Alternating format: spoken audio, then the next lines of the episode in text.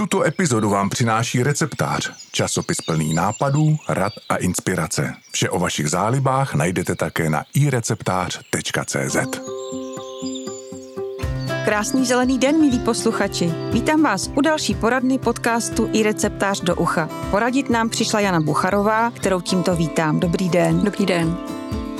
A teď tu máme dotazy na pokojové rostliny, které jste nám poslali na adresu poradna-ireceptář.cz. Pokud byste se o nich chtěli dozvědět víc, podívejte se na e-shop ireceptář.cz, kde si můžete koupit edici, která je celá pokojovým rostlinám věnovaná.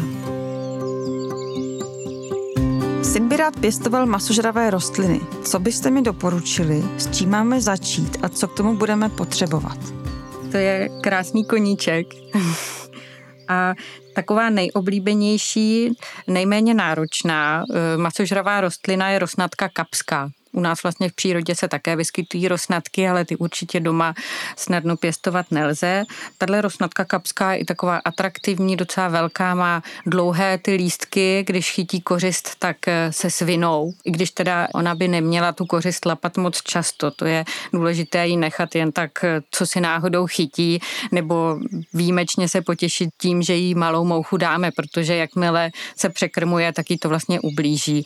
Ona to má jenom jako takový doplněk, protože ty masožravky žijí na chudých půdách, takže tohle si skvěle vymysleli, že si občas dopřejí něco navíc, ale není to úplně nezbytné. Nejlépe se jí bude dařit v nějaké skleněné nádobě, kouli nebo teráriu, aby to udrželo trošku vlhčí vzduch. Ehm, potřebuje směs čisté kyselé rašeliny, zase neupravené, opravdu kyselé a písku. Měkkou vodou bychom ji měli zalévat, vápníky opravdu nesvědčí, to ji umoří potřebuje hodně světla, co nejblíže k oknu, protože ty masožravky vždycky rostou na paloučcích a moc konkurence tam nemají. Právě na těch chudých půdách, proto si i vymysleli tohle vylepšení, přilepšení tou masitou potravou. Potom velmi atraktivní je mucholapka podivná, to je jediná, která jako sklapne tu past okamžitě ale s tou je trošku potíž. Ta se málo kdy podaří udržet, protože na to světlo ještě náročnější a vlhký vzduch. Daří se jí ve sklenicích, kde vlastně má vlhký, ale zároveň čerstvý vzduch.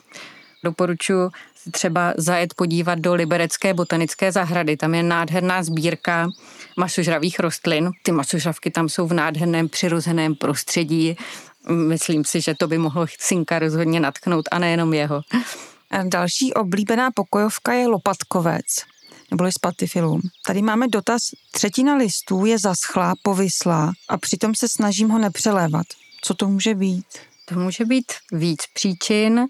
Kdyby byla vyloženě třetina zaschlá, taková jako eh, hnědá, mohla by být i spálená sluncem, pokud by najednou na něj zasvítilo, příliš slunce přesklo, i když pokud Eh, se jedná o tuto dobu roční, tak to moc pravděpodobné není. Také suchý vzduch mu nesvědčí, sice je docela odolný, ale jestli jsou povyslé, tak eh, kdo ví, jestli té střídmosti není zas až příliš v té zálivce. Je pravda, že častější je přelévání a ani lopatkovci neuškodí, když občas ten substrát vyschne, ale nesmí být zase suchý příliš dlouho. I když je zvláštní, že je povyslá pouze třetina listů, ale mohlo by to tak být. Rozhodně teď na jaře je vhodná doba na toho přesadit, takže by bylo dobré ho vlastně vytáhnout, podívat se, jaké má kořeny, kdyby byly nějaké evidentně tak je odstranit, přát mu nový substrát, uříznout ty špatné listy a snad se zpamatuje.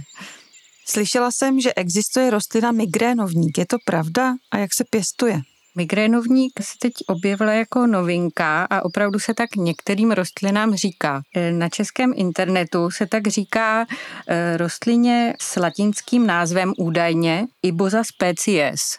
A vlastně všude je to takhle uváděno, nebo Tetradentia species, jako kdyby to bylo vlastně její jméno, ale specie znamená druh a většinou se to uvádí, když jako máme rod a nevíme, jaký druh nebo různé druhy. A tady je to uváděno, jako kdyby to bylo její jméno.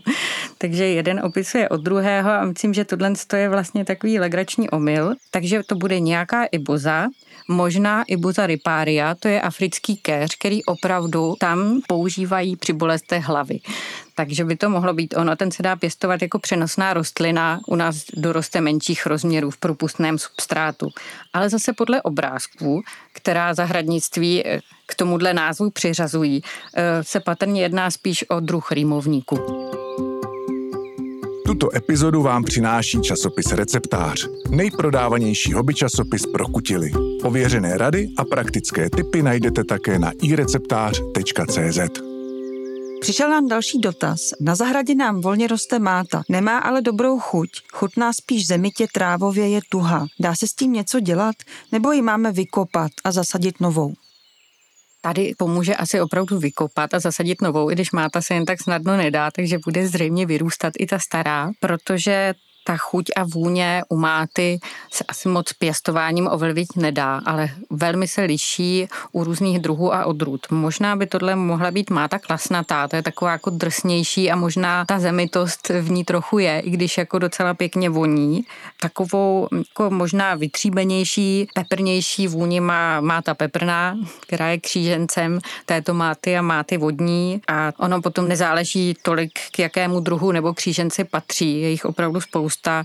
Některé mají názvy jako má ta ananasová, čokoládová, skořicová a mohou mít opravdu trošku nádech dotyčného koření nebo ovoce. A nejlepší je asi k té sazeničce, když si vybíráme trošku přivonět. Stačí malinko o ní zavadit a ta máta tu vůni uvolní a vybrat si podle toho, protože ten čich je individuální a každému voní něco jiného. Na stojanech se semínky často vidím i levanduly. Za jak dlouho zesemené vypěstuju keřík a můžu je vysévat rovnou ven? Z návodu na sáčku mi to není úplně jasné.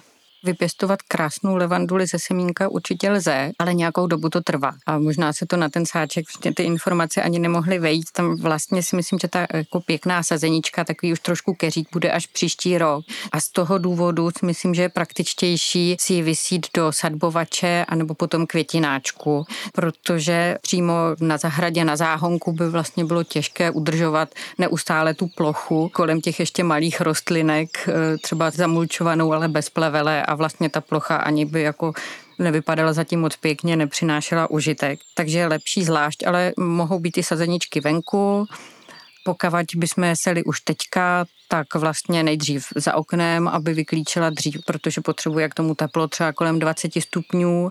Jakmile vyklíčí, potřebuje hodně světla, takže co nejblíž k oknu, nebo skleník, nebo i ven, když už bude hezké počasí. Ty úplně malé semenáčky je lepší chránit před mrazem, i když levandule potom už zrostlá, je naprosto mrazovzdorná.